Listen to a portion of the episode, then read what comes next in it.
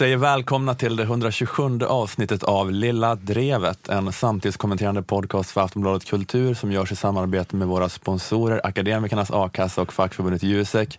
Vi sitter inte på, vårt, eh, eller vi sitter inte på mitt kontor, utan vi testar den här veckan att spela in i Malmö musikstudio. Och det är jättefint här. Mm, supertrevligt. Precis, det är en känsla av, eh, av radiolyx som vi inte är vana vid. Vi har fått fika. Nybryggt kaffe och chokladkex.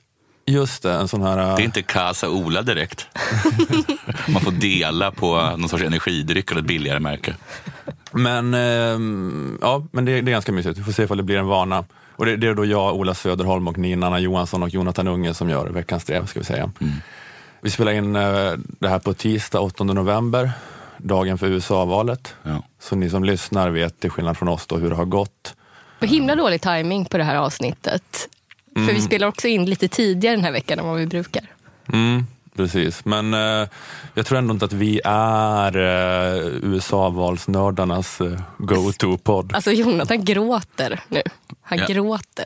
Ja, och jag, För att jag säger en sån sak. jag tittar väldigt mycket men jag har inte haft något intressant att säga. Jag har bara upplevt allting annat som man har sagt. Det enda som jag tyckte var intressant som jag hade hört, som, jag, som, som är ett av de här halmstrån som jag eh, klingar mig själv till. För att använda lite svengelska. Eller har jag redan, har jag redan sagt det här? Så får vi bara ta bort allting. Nej, jag vet inte. Det här med, eh, precis som man, man säger om, om Sverigedemokraterna, och jag har sagt det här, att det finns en ma- en massa anonyma Sverigedemokrater Okej. som inte syns i opinionsundersökningarna. Ja, ja, Därför ja. är alltid de inte får lika mycket opinionsundersökningar som de får i själva valresultatet. Och det har ju också liksom Trump snackat om.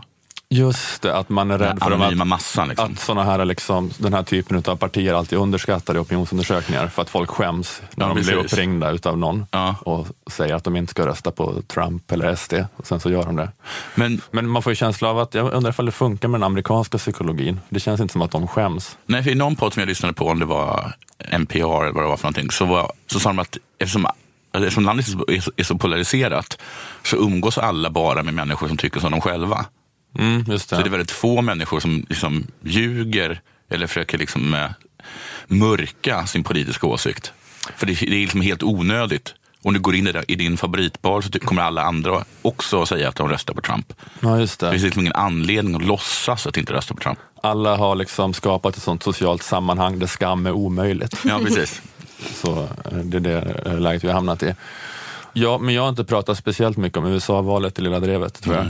Eh, och dels eh, att det känns kanske lite meningslöst att som svensk poddare försöka tillföra något.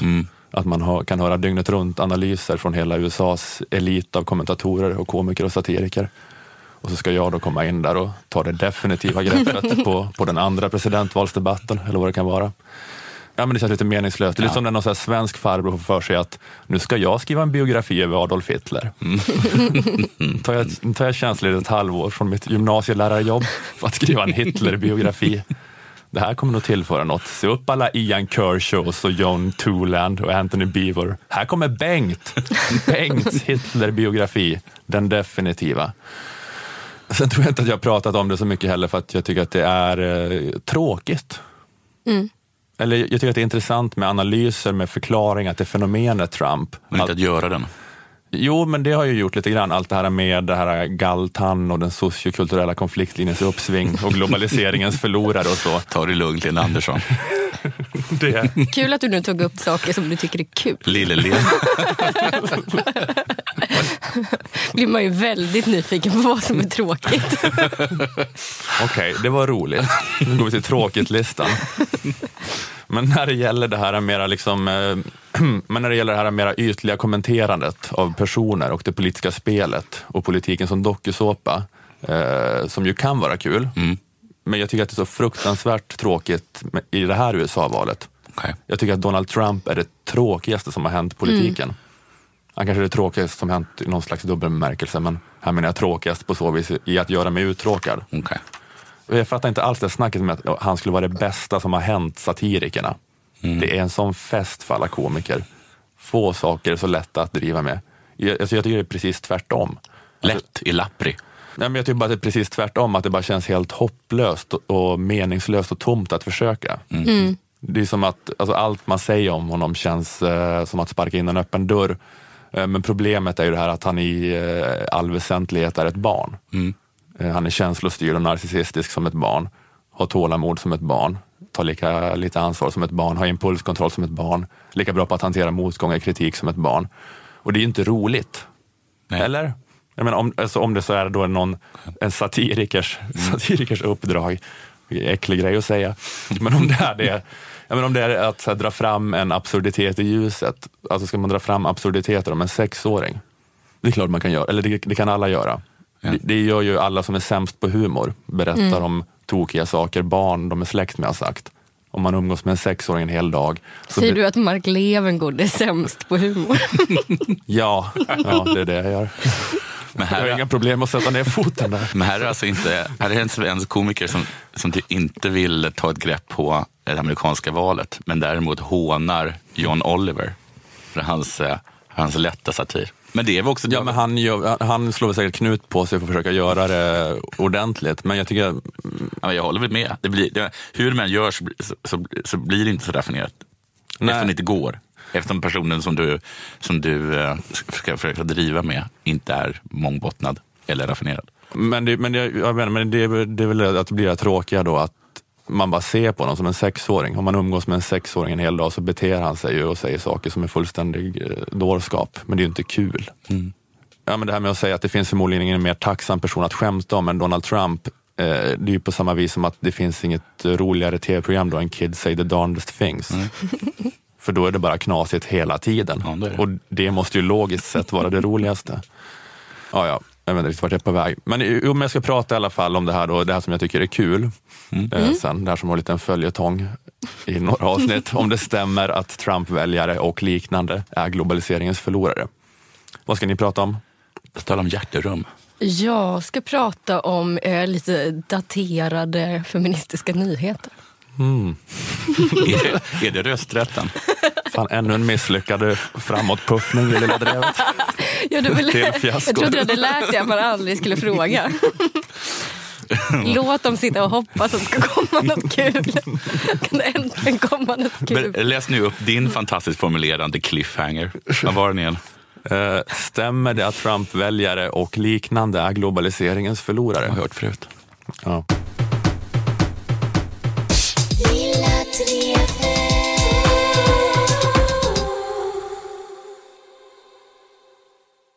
Jag var inne och läste nyheter, som man ju gör om man vill ha pejl på sin omvärld. Mm. Ja, ni vet vad jag snackar om. Känner till fenomenet. Ja. Det känns som du bara slår ihjäl tid. har, har du någonting?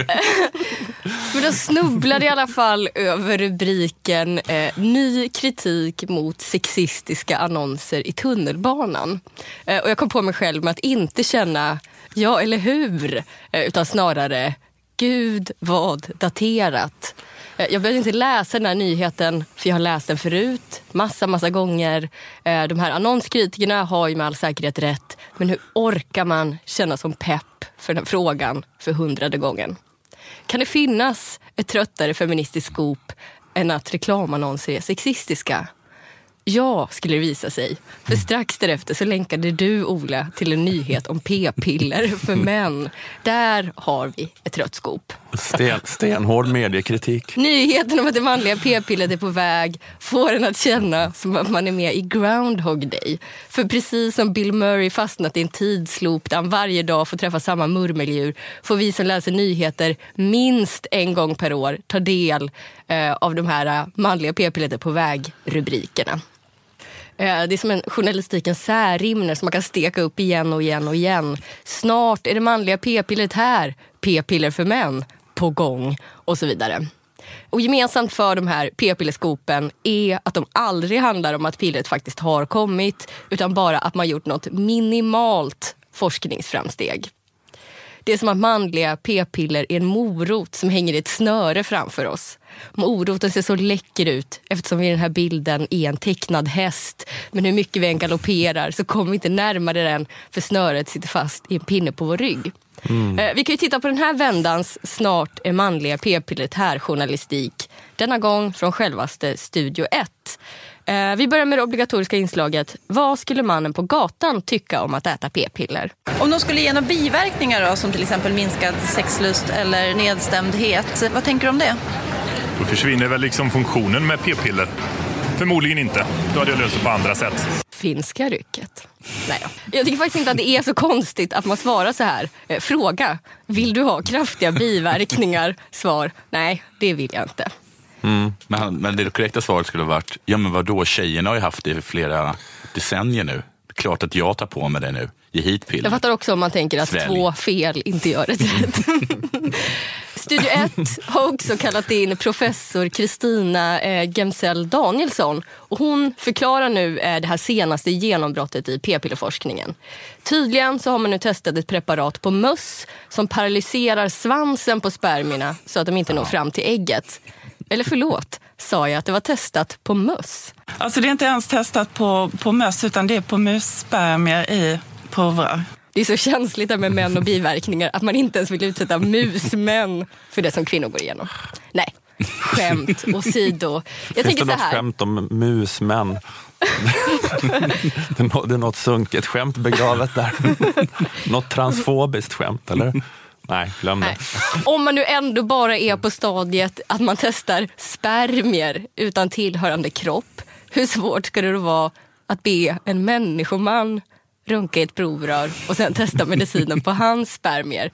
Istället för att be en mus runka ett provrör.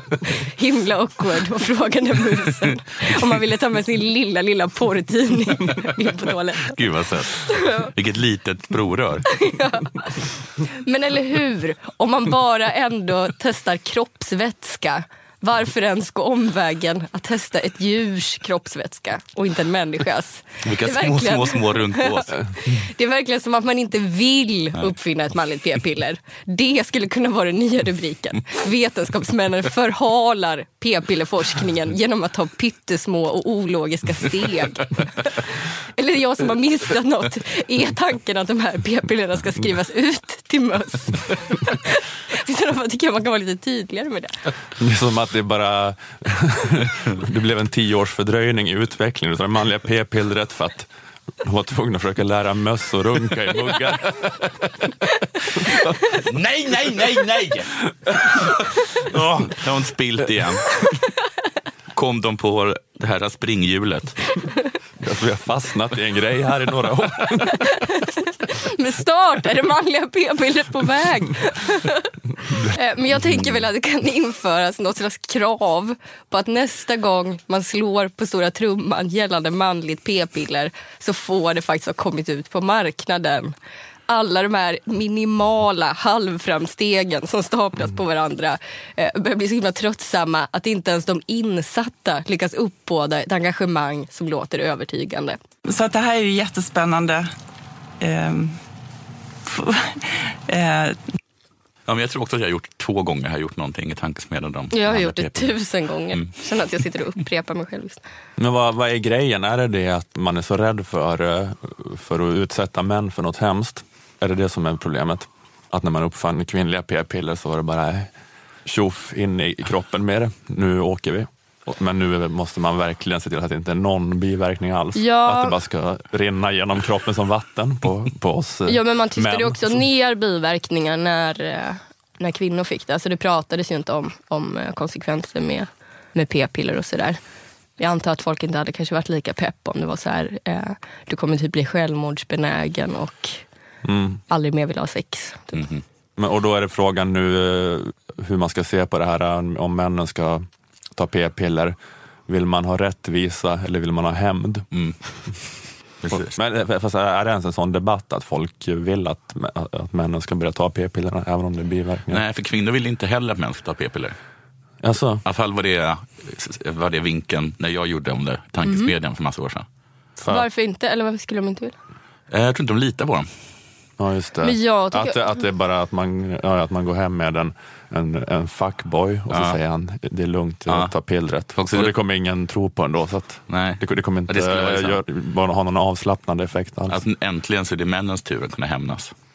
Alla den här gånger Förlåt som, en- som, ni, som ni tittat oss i eh, ögonen och sagt att ni har gått på pillret. Så har det varit lögn. Så All- står man där och betalar underhåll. Just det, alla jävla tokiga Ja. eh, kvinnor som Ja. bara vill bli gravida med någon och släppa en från krogen Ja. som man har stött på. Man kan ju också man- använda kondom. vid Just- tillfälliga förbindelser. Just det, kvinnor. MVH, den här eh, ungdomsmottagningstanten.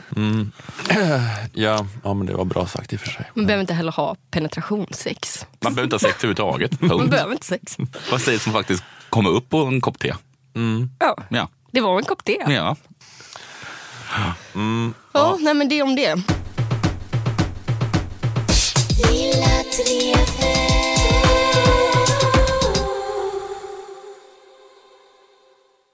Hörrni, det är ju en bra grej att sponsra Lilla Drevet. ja. Jaha. Vi ha- hade ökat i den här nya Orvest-undersökningen. Yes. Ti- Tidigare var det 76 000 enskilda lyssnare i månaden, men nu är vi uppe i 86 000. Cool. Det är Lyssnare. 10 000 mer räknar jag snabbt ut. Ja, Eh, och det är inga skitlyssnare heller. Nej. Kvalitetsmänniskor rakt igenom.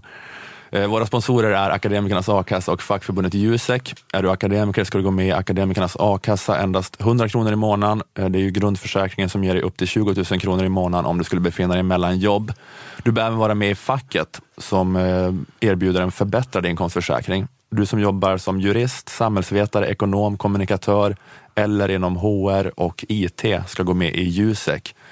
Då är du skyddad upp till 80 000 kronor. Ni får 80 procent av lönen upp till 80 papp. Driver du med mig? Nej, det gör jag inte. Att vara med i Akademikernas och Jusek kostar 351 kronor sammanlagt. Är du redan Akademikernas medlem lägger du alltså bara till 251 kronor för att också få vara med i facket. Eh, Jusek stöttar också på massa andra sätt i arbetslivet. Just nu har Jusek ett projekt som heter Det flexibla arbetslivet. Tack vare tekniska lösningar som smartphones och uppkoppling överallt och sånt Ja. kan vi numera jobba var vi vill och när vi vill. TNS Sifo har gjort en undersökning åt Jusek eh, om det flexibla arbetslivet och hur det påverkar deras medlemmar. Eh, Undersökningen visar att hela sex av tio kvinnor med barn säger att de skulle behöva gå ner i arbetstid om det inte var möjligt att arbeta flexibelt. Det vill säga möjligheten att jobba hemifrån eller på andra tider än- än ordinarie arbetstid. Eh, Motsvarande andel bland män med barn är fyra av tio. Eh, så det är positivt att kunna eh, arbeta flexibelt och för kvinnors karriärmöjligheter. Samtidigt som de här siffrorna också visar att kvinnor tar mer ansvar för hemmet. På Juseks hemsida finns eh, fler resultat och tips och råd om hur du hanterar det nya möjliggörande men också ofta stressframkallande flexibla arbetslivet. Du kan även göra ett test där du får reda på om du är en segmenterare, en sån som behöver fasta gränser mellan arbete och privatliv. Eller om du är en integrerare som trivs med att ha flytande gränser. Eh, Testet hjälper dig att förstå vilken strategi och vilket arbetssätt som passar dig bäst. Har du tagit steget och gått med i Akademikernas och snedstreck eller Jusek tack vare den här podden får du gärna berätta om det i sociala medier under hashtag lilla drevet. Skriv det också gärna i din ansökan. Det, Ola, där var jag nästan nära på att ge dig en örfil, för det där var ett hysteriskt bra erbjudande.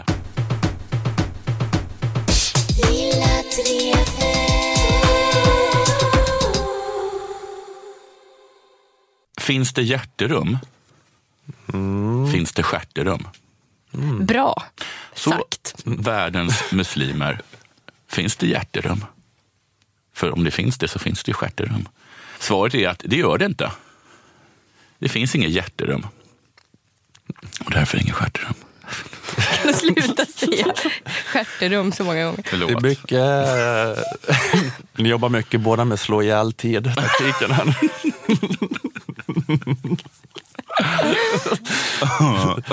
Säger något, någon klyscha idiomatiskt uttryck, ta lång konstpaus. Se de andra i ögonen. skapar en spänning. Suger på den spänningen. Bara, det, blir, det ökar och ökar och ökar anspänningen. Men det blir mer, så mer och mer klart att det inte kommer någon liksom förlösning. I slutet av oktober eh, så kom den andra, eller om det var den tredje resolutionen från Unesco om huruvida judar har några, om det finns några band till judendomen och judarna eh, angående Tempelberget som ligger eh, mitt i Jerusalem.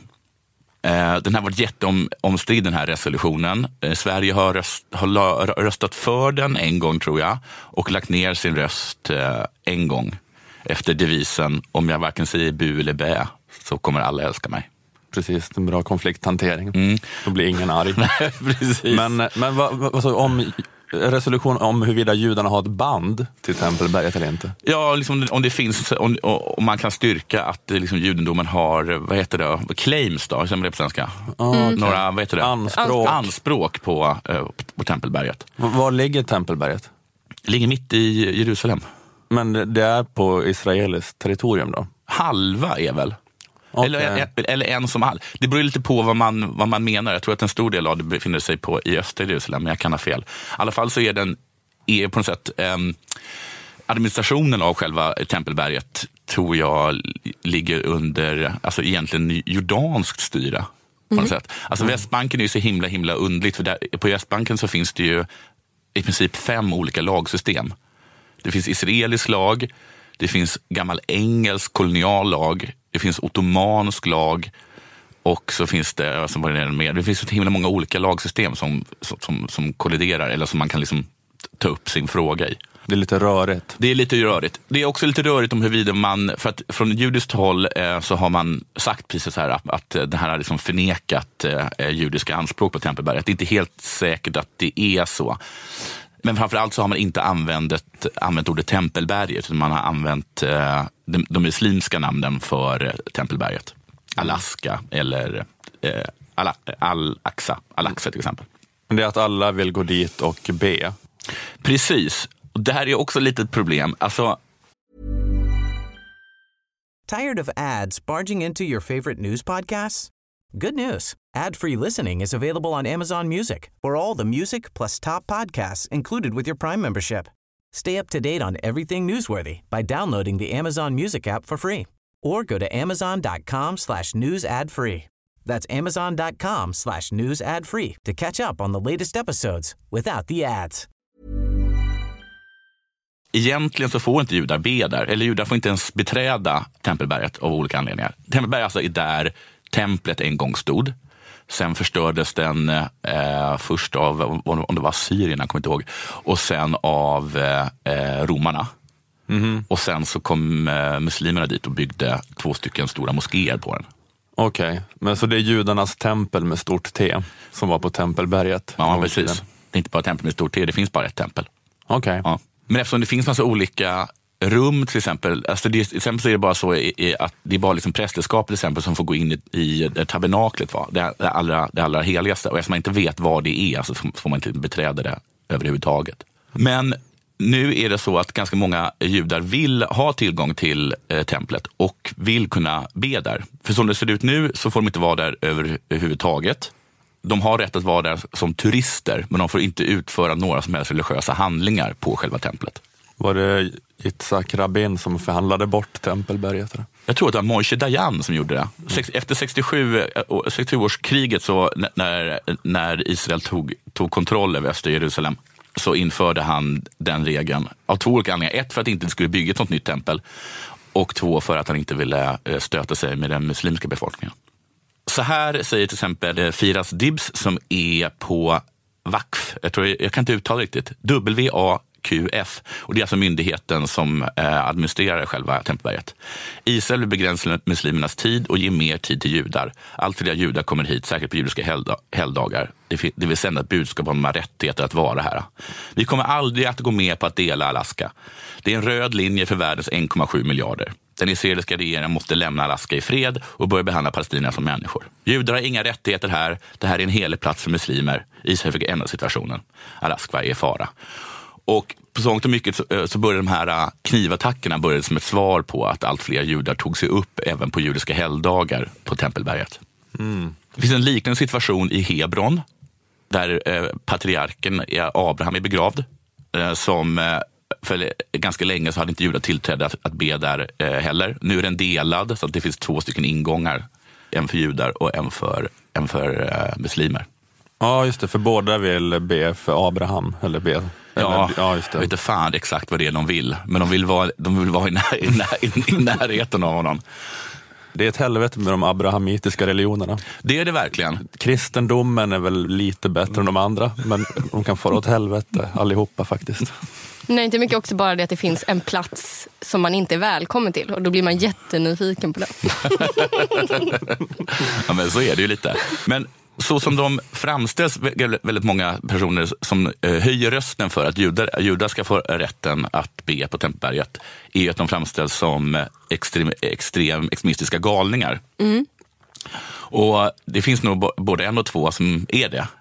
Jag kommer ihåg en gång när jag var i Hebron så fick vi eh, höra tal av eh, bosättarnas talesman där.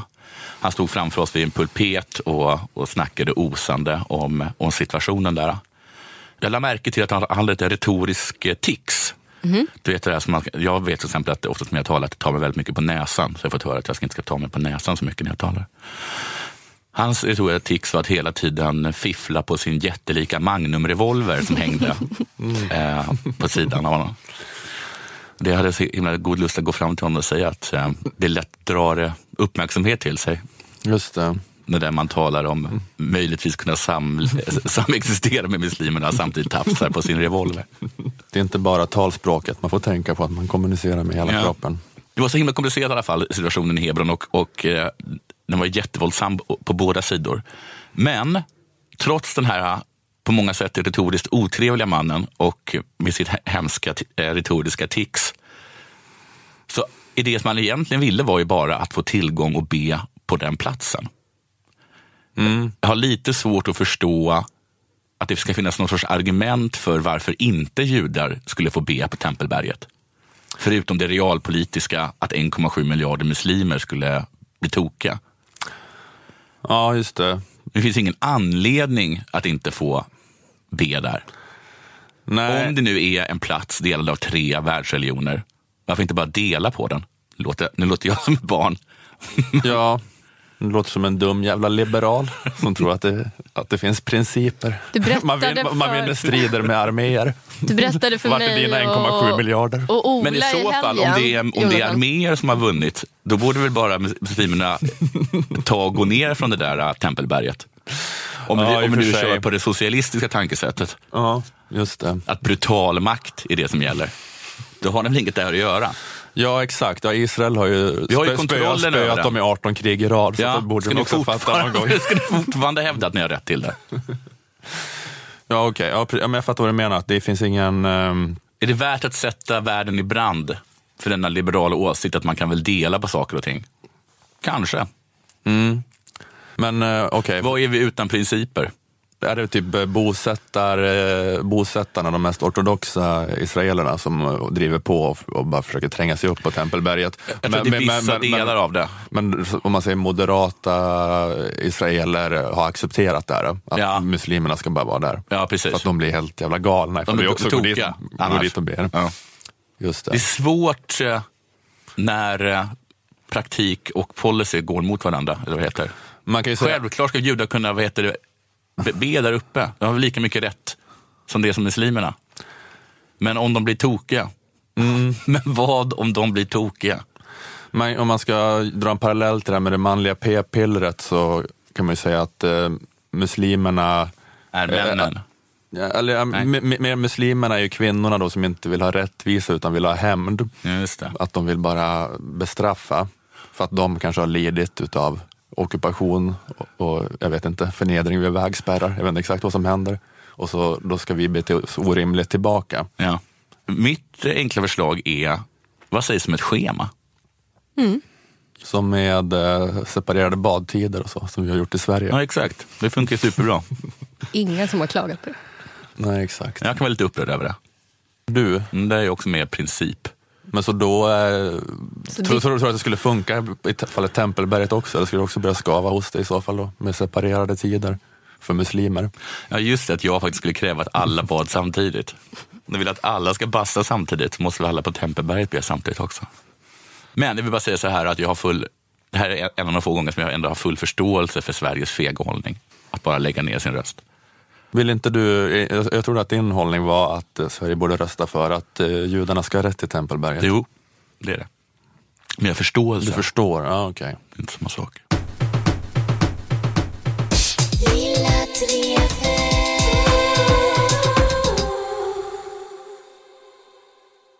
Ja, vi ska försöka avgöra frågan nu en gång för alla. Vi kommer inte kunna avgöra den en gång för alla. Vi ska diskutera frågan vidare. Ja. Är det så med Trump-väljarna att de är globaliseringens förlorare? Är det ett skri av ekonomisk ångest? Är de pissade på? Är det att den urbana hipster kunskapsekonomin-klassen säger har bilarbetarna ingen fabrik att gå till, men låt dem då tillverka appar? är det så? är det så för Trump-väljarna? himla okänsligt sagt. Är det, Är det synd om dem eller är de bara rassar? Eh, oavsett eh, hur det gick i valet så finns det ju många Trump-väljare Mm. i alla länder. Inte bokstavligt eh, Trump-väljare då, men ni fattar typen. Eh, jag har refererat en artikel från den amerikanska tidningen Vox ett par gånger i senaste avsnitten. Eh, en artikel som eh, protesterade mot att det började bli en allmän sanning att globaliseringens förlorare röstar på Trump och liknande.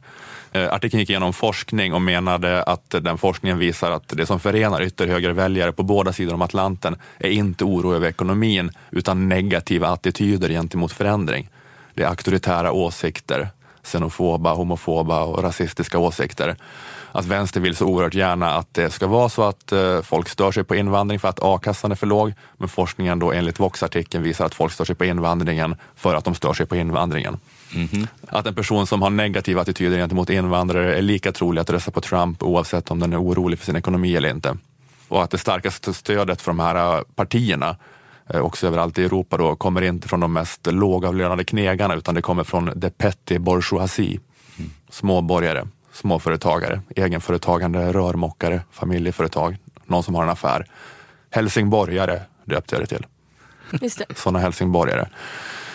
Och det handlar inte om ekonomisk oro, det handlar om nedbrutna statushierarkier. De vill leva i ett land där alla människor har samma sedvänjor och traditioner.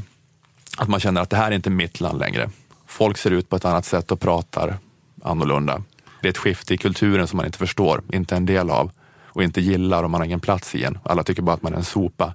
Ja, men människor värderar sin kultur och identitet lika mycket som de värderar sin ekonomiska trygghet. Att, eh, att så här, ras och hierarki och gruppidentitet det har spelat en väsentlig roll i hur människor förstår eh, världen och västvärldens historia och nationalstater har format det på ett speciellt sätt. Och man kan inte förneka det, eh, att identitet och det förflutna har stor betydelse. Att det här med att reducera allt till materiell eller ekonomisk orsak är ett misstag. Eh, Så var den artikeln ungefär. Ganska uppmärksammad och spridd artikel som jag vidareförmedlade. Eh, Men nu har en amerikansk vänstertidning som heter Jacobin Magazine ägnat mycket energi till att förklara varför det här påståendet om att ekonomiska faktorer är oviktiga för att förklara Trump inte stämmer. Eller det här Vox är också vänster, eh, amerikansk vänster. Men Vox är kanske mera Hillary och Jacobin är mera Bernie Bros. Eh, Och i Jacobin-artikeln Sympathy for the Devil förklaras det ganska övertygande varför Vox-artikelförfattarna har hanterat de vetenskapliga undersökningarna han citerar på ett felaktigt sätt. Att man inte kan dra slutsatser om vad som motiverar Trump-anhängare så som han gjorde. Orkar inte återge det. Nej. Det blir för krångligt. Men ni får tro mig när jag säger att det var ganska, ganska övertygande. Jag tror dig. Eh, väl, välja att tro. Men en poäng eh, är att eh, Trump inte har skapat fler rasister. De fanns där från början. Ja, han har bara entusiasmerat de som finns extra mycket. Andelen av USAs rasister som gick med i Trump-rörelsen var fler än vad som gick med i Romney och McCain-rörelserna. Finns det statistik på hur många som är rasister i USA? Ja, det gör det. Gör det. Eh, eller men det finns statistik på hur många som har racial resentment. Okej. Förbittring över att det här är inte mitt, jag känner inte igen mitt land. Så folk, eh, folk vill inte svara på frågan om de röstar på Trump, men de svarar gärna ja på om de är rasister eller inte. Ja, men det är inte fler rasister i USA eller någon annanstans i västvärlden utan trenden är motsatt. Att motviljan mot andra raser, säger man så, mot invandrare. Mot... det är svårt, med, man säger race så slappt Ja. på engelska. Så det blir konstigt om man översätter det. Mot, men mot invandrare, mot mångkultur, att det eh, resentimentet minskar. Eller kanske på vissa platser är stillastående, men det ökar inte. Eh, Jacobin-artikeln tar upp det franska exemplet. Eh, I Frankrike, eh, det kanske ni har hört om, är det helt galet uppskruvad kulturkrigsstämning nu. Alla är helt besatta av La République och La Cité och identitet och franskhet och har total neuros kring hur vi ska göra med islam. Det går inte att samexistera. Snutarna står där på stränderna och bara skriker till kvinnor i burkini så att här i Frankrike visar vi pattarna. Eh, Känslan är att det är så. Och det är också så på ett sätt, att det är värre än någonsin.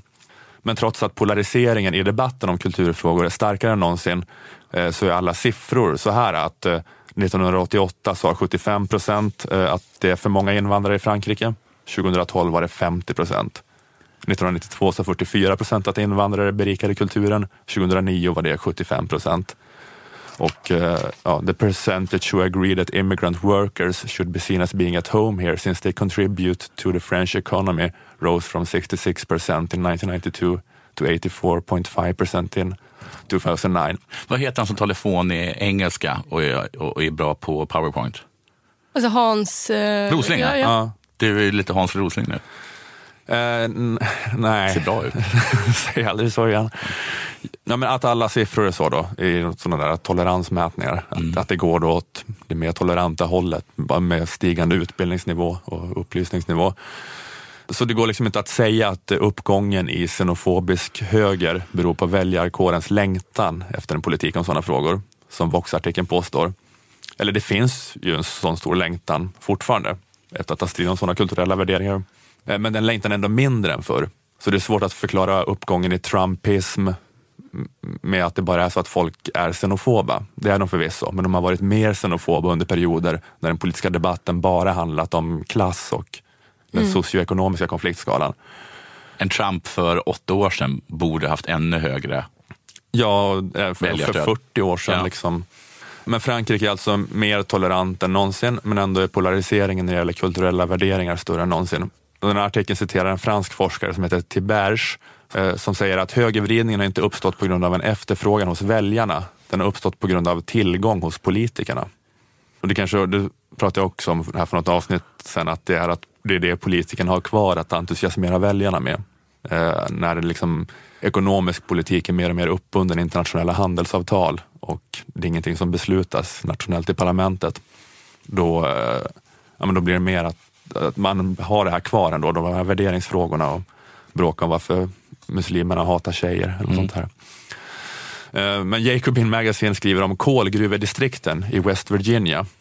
Och det är, det är som en parodi på dumma bondläpps-USA. Det är Appalacherna. Och nu är kolgruvorna stängda och det är maxdeppigt där.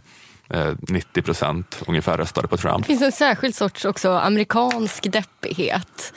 Eh, när, det är så här ett ödelagt samhälle. Att man verkligen så här tänker att det åker förbi så tumbleweed. Ja. Ja, men det är just det att de inte har någon eh, då nästan så här statlig omfördelningspolitik för att rädda glesbygd så att de kan vara, det kan vara sådana jävla spökstäder. Att Detroit, att det är en stad som var dubbelt så stor som Stockholm som bara är tömd på folk nu. Nej, så helt- bara är det så. Det bara liksom är som Ja. en postapokalyptisk Ja, film, att det bara växer gräs överallt. Ja. När hela Sverige får leva-kommittén kommer till USA och ska träffa sin motsvarighet, så står de där på flygplatsen. Blir aldrig upphämtade. Bra sketchidé. ja, precis. Men brittiska, brittiska tidningen Guardian gjorde ett eh, tv-reportage därifrån. De är tydligen tv-inslag ibland också. I McDowell County i West Virginia eh, och körde omkring med en eh, lokal politiker eh, som heter Sabrina Schrader. Hon är demokrat, så hon åker runt och försöker kämpa för att alla att sluta älska Trump så mycket och kämpa mot fattigdomen. Eh, Och i ett tillfälle i reportaget plockar eh, Guardian-reportern och Sabrina, eh, de kör bil, så plockar de upp eh, hennes farfar och ger honom skjuts. Schrader spends a lot of time educating McDowell voters, including her grandfather. Hey, Papa, you need a ride? Yeah. All right, well, hop on in. How are you doing? Pretty good, you? What do you think of Donald Trump? I hope we get it. Så. Han sa I hope he get in. Mm. Att han, eh, han vill att Trump ska bli president. okej. Eh, varför, frågar då hans barnbarn Sabrina. Why? Huh? Why? Why did uh, Hilda get yeah, don't ca- uh, set our coal mine down tap and uh, Hilda don't uh, uh, Donald get yeah, he don't put our coal mine back. Okej, men nu blev det ju bara... Nu sitter vi bara och skrattar åt hillbillies. Nej. Det gjorde vi. Du säger att vi inte skratta åt hillbillies. Så har du en lång ill med någon sorts goatfucker uppe i en. Jag tar dem på allvar. Du hör inte vad han Jag säger. älskar honom villkorslöst. Tycker vi ska lyssna på honom. Eh, han sa because Hillary is going, alltså varför han inte ska rösta på Donald Trump. Han sa because Hillary is going to shut down all the coal mines. Donald is going to put all the coal mines back. Ja, men det är väl ett bra argument. Don, Donald ska stoppa tillbaka alla gruvorna i West Virginia. ja, jo. Eh, vi kan höra ett klipp till. I voted for that black guy two times. Obama. Barack Obama. Yeah. You Yeah, my papa's a. Democrat. Because you're in the United Mine Workers of America, aren't you? Union worker. My papa was a coal miner. I worked 26 years in coal mine. 26 years. I ain't dead yet. Thank God.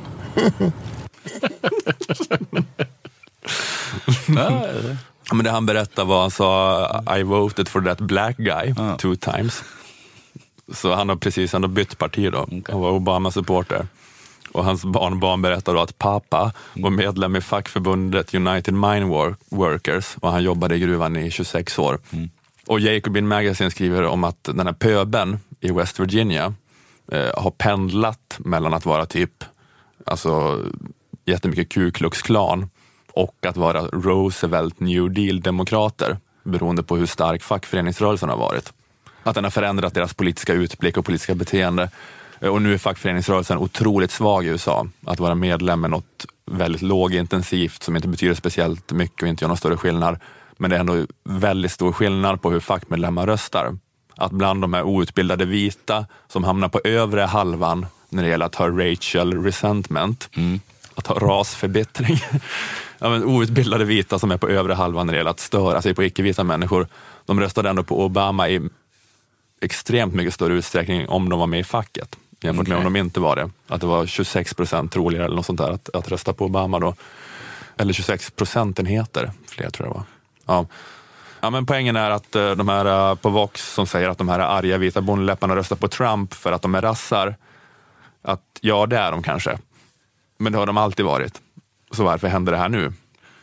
För att massa individer som är helt isolerade öar plötsligt väljer att agera på sin rassighet, säger kanske en dum jävla liberal.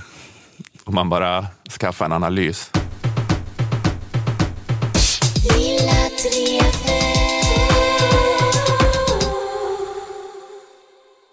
Det här var veckans Lilla Drevet, en podcast för Aftonbladet Kultur. Vi säger tack till våra sponsorer Akademikernas A-kassa och fackförbundet Jusek. Och vi säger tack till Malmö musikstudio eh, där vi fick eh, spela in den här veckan. Supertrevligt. Mm, verkligen. Och eh, ja, det var det. Jag heter Ola Söderholm, ni heter Jonathan Unge och Nanna Johansson. Hej då! Hej, hej. Varför är det så roligt? Det känns som att vi inte får säga våra namn. Ja, okay. Så blir jag omständigt när jag ska göra det. ja, jag är ledsen hörni.